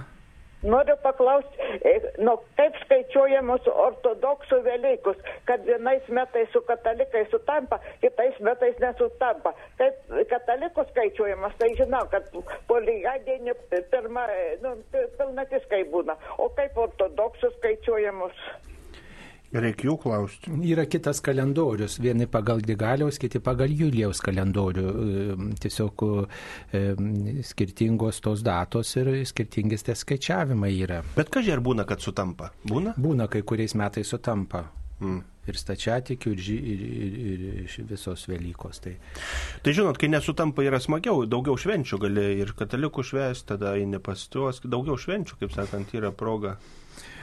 Taip. Švest. E, dar vienas klausimas, kaip ugdyti bendruomeniškumą parapijoje, kad tikrai žmonės būtų bendruomeniški.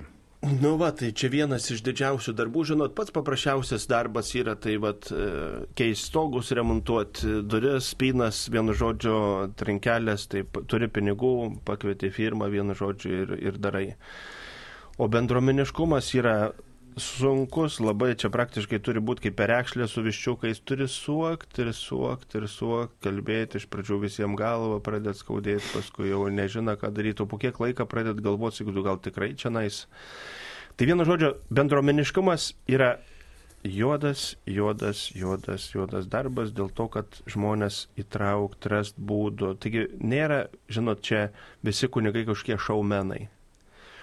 Šiais laikais žmogų turi, žinai, sužavėti, turi būti ten balsas kaip, nežinau, kieno, kaip Vitulskis, pala kaip tas vardas to Ko, Evaldas Vitulskis? Ne, ne, Evaldas tai kunigas, bet tas, kur dainuoja. Merūnas. Merūnas va. Balsas turi būti kaip Merūno, išvaizda kaip pradžio, vienu žodžiu, iškalba kaip Žirinovskio, vienu žodžiu, sako, Žirinovskis buvo labai, nu, oratorius, bet tik tai ne į tą pusę. Tai va, vienu žodžiu, turi būti tarsi pats, pats, pats ir tada gal, gal kažkas, žinot, ir aplink tavi norės būrtis, būti. Tiesiog reikėtų žmonėm patiem, aš žmonėm taip sakau, tai, ką jūs šiandien darot bažnyčiai, labai priklausys, kokia parapija bus po 20 metų. Manęs tikėtina jau čia nebus, bet jūs tai čia būsit. Ir tai, ką žmonės šiandien daro parapijoje, tai tokia parapija, nuo to priklausys, kokia parapija bus po 20 metų. Ir nesvarbu, ten būsiu aš, kitas, trečias, bet jie tai liks. Jie, jie, jie liks savo parapiją. Normaliai žmogus, nu, aišku, vienas kitas išsikraustų, bet tu gyveni savo namus turi, ne? Tai vad, jeigu ką šiandien darom kaip Lietuvos piliečiai, labai priklausys, kokia Lietuva bus po 20 metų. Ką mes darom kaip parapiečiai šiandieną, ar aš įsipareigoju, ar aš noriu.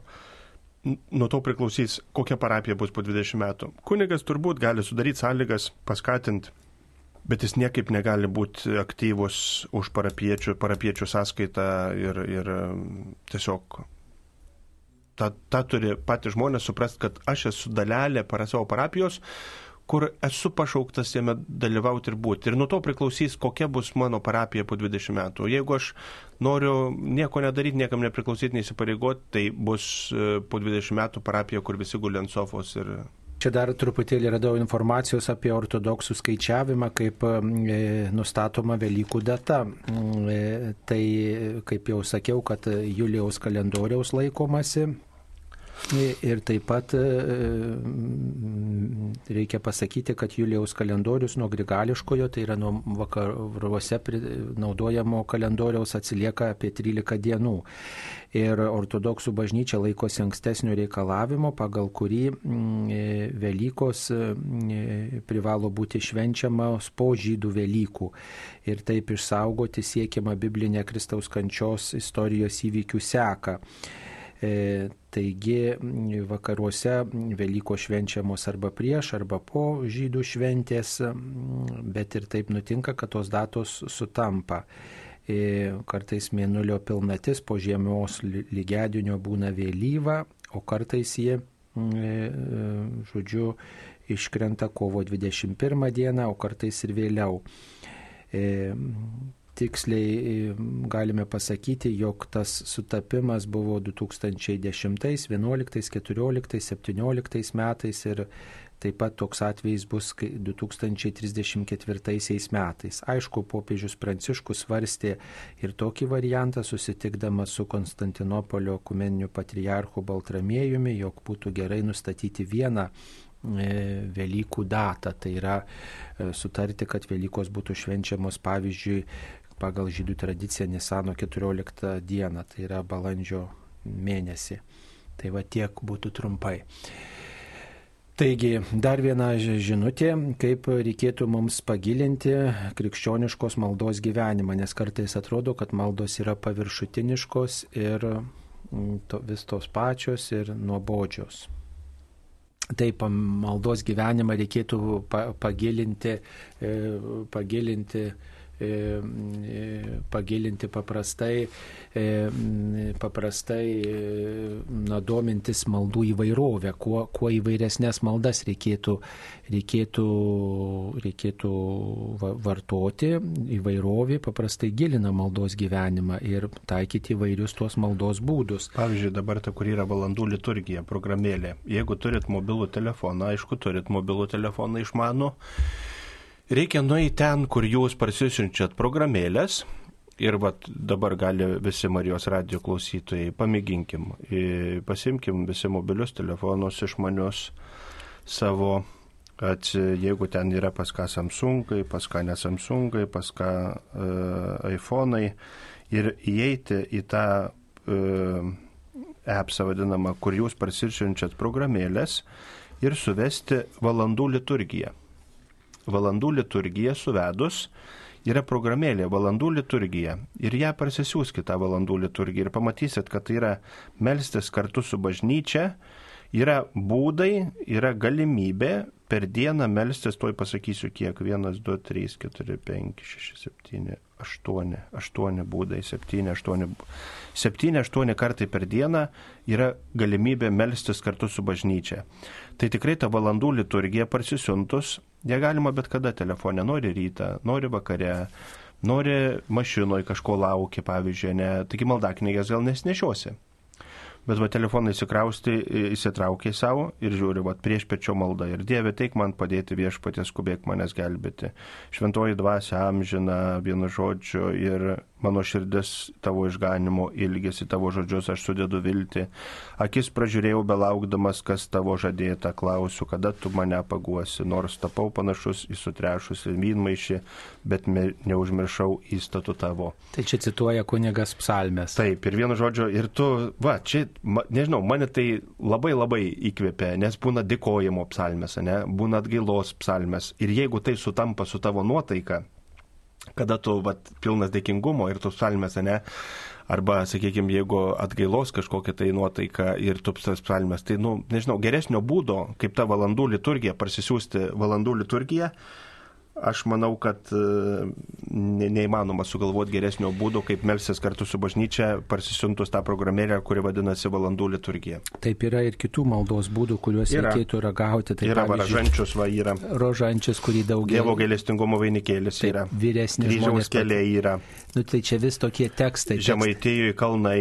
Kalnai. O, Bet taip pat o, o, o, o, o Dzukijai lygumas. Lygumos Dzukijoje yra e, rožančius gėdamas, reikėtų taip. O taip Kažkur pat pa, pakalinės yra kvie, kviestume atrasti adoraciją, adoracijos maldą, kai trumpam, pavyzdžiui, jūs užeinate į tuščią bažnyčią ir ten pabūnate švenčiausio sakramento akivaizdu, nesvarbu, ar įstatytas švenčiausias sakramentas, ar tabernakulėje saugomas, tiesiog jūs klausotės, e, esate, galbūt pakartojat Jėzaus vardą keletą kartų. Piligrimystė yra maldos būdas.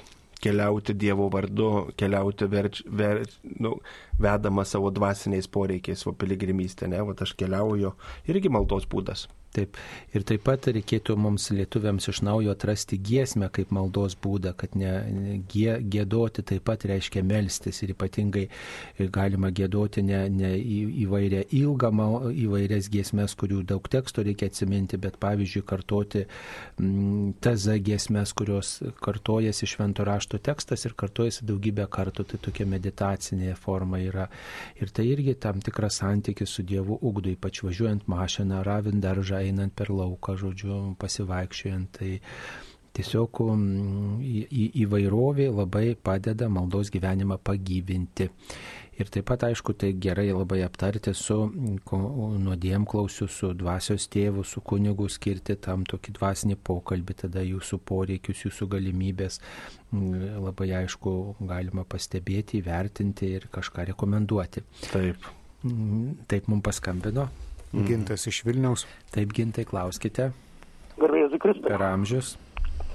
Prieš kažkiek laiko girdėjau vienuolis kalbėjo ir sakė, kad Sirijoje, nu jie buvo kažkokia misija Sirijoje ir mes pritrūkome liūdėjimų. Tai mane tai stipriai palėtė, nu kaip kare, pavyzdžiui, baigėsi ten ginklai, šoviniai. Tai labai stipriai ir aplamai liūdimas tai yra stiprus dalykas. Tai noriu paklausti, gal Marijos radija surastų vietą vietoj tų kontroversiškų visai vertinimų, kaip ta vakarykščia laida, konkrečių liūdėjimų.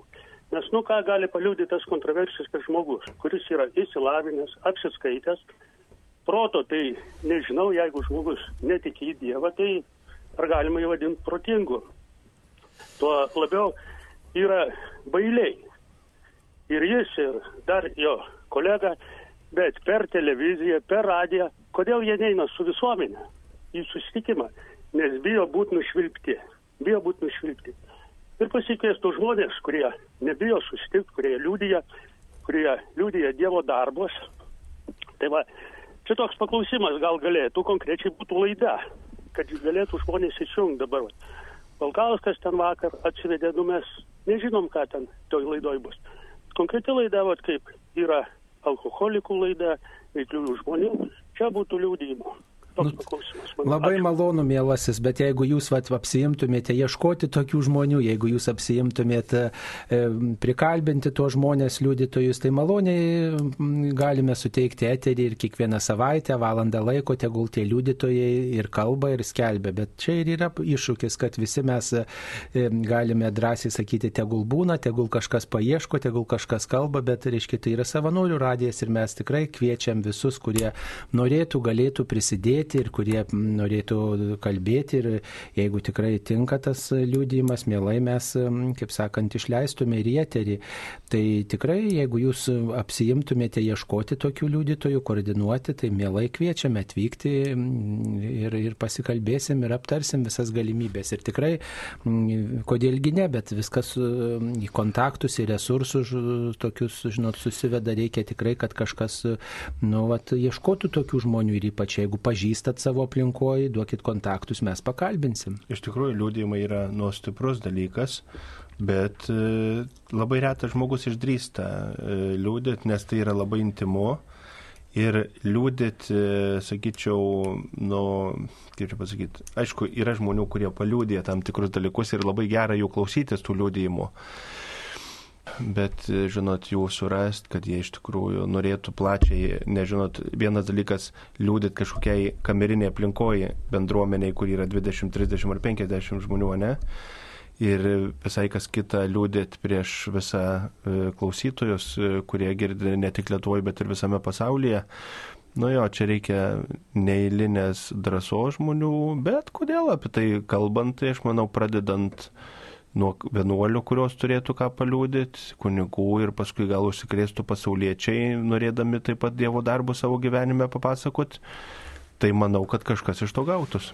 Tai tikrai tik reikia, kad kažkas tuo rūpintųsi. Taip, kažkas turi tuo rūpintis. Ir netaip lengva tuos žmonės ir prikalbinti, ne, ne visi yra pasiryžę kalbėti. Taip atrodo, yra žodelis gal. Tai va tas gal ir čia labai yra reikšminga šiuo atveju. Taigi, mėly Marijos radio klausytojai, dar čia turbūt atsiuntėte žinučių, bet mums kažkodėl jų nerodo tų žinučių, negalime perskaityti, taigi tos žinutės liks, ko gero, kitiems, kitoms laidoms, nes... Mes gavom labai daug jūsų laiškų, štai turim net vieną ir tas pats sulaistytas ašarom. Taip, sulaistytas ašaromis. Negalime skaityti. Labai gerai, kad e, su, taip sakant, su emocija e, laistote, klausote, rašote, tai tikrai didelis. Turim laišką parašytą sulaistytas ašarom ir negalim perskaityti. Nu, kitą kartą perskaitysime ir būtinai jums perduosime. Taigi, mėly Marijos radio klausytojai, šioje laidoje dalyvavo Šančių parapijos klebonas, švenčiausiosios Jėzaus širdies parapijos Taip. klebonas, kunigas Audrius Mikitiukas ir prie mikrofono buvo aš kunigas Saulis Bužauskas. Būkite palaiminti sudė. Sudė.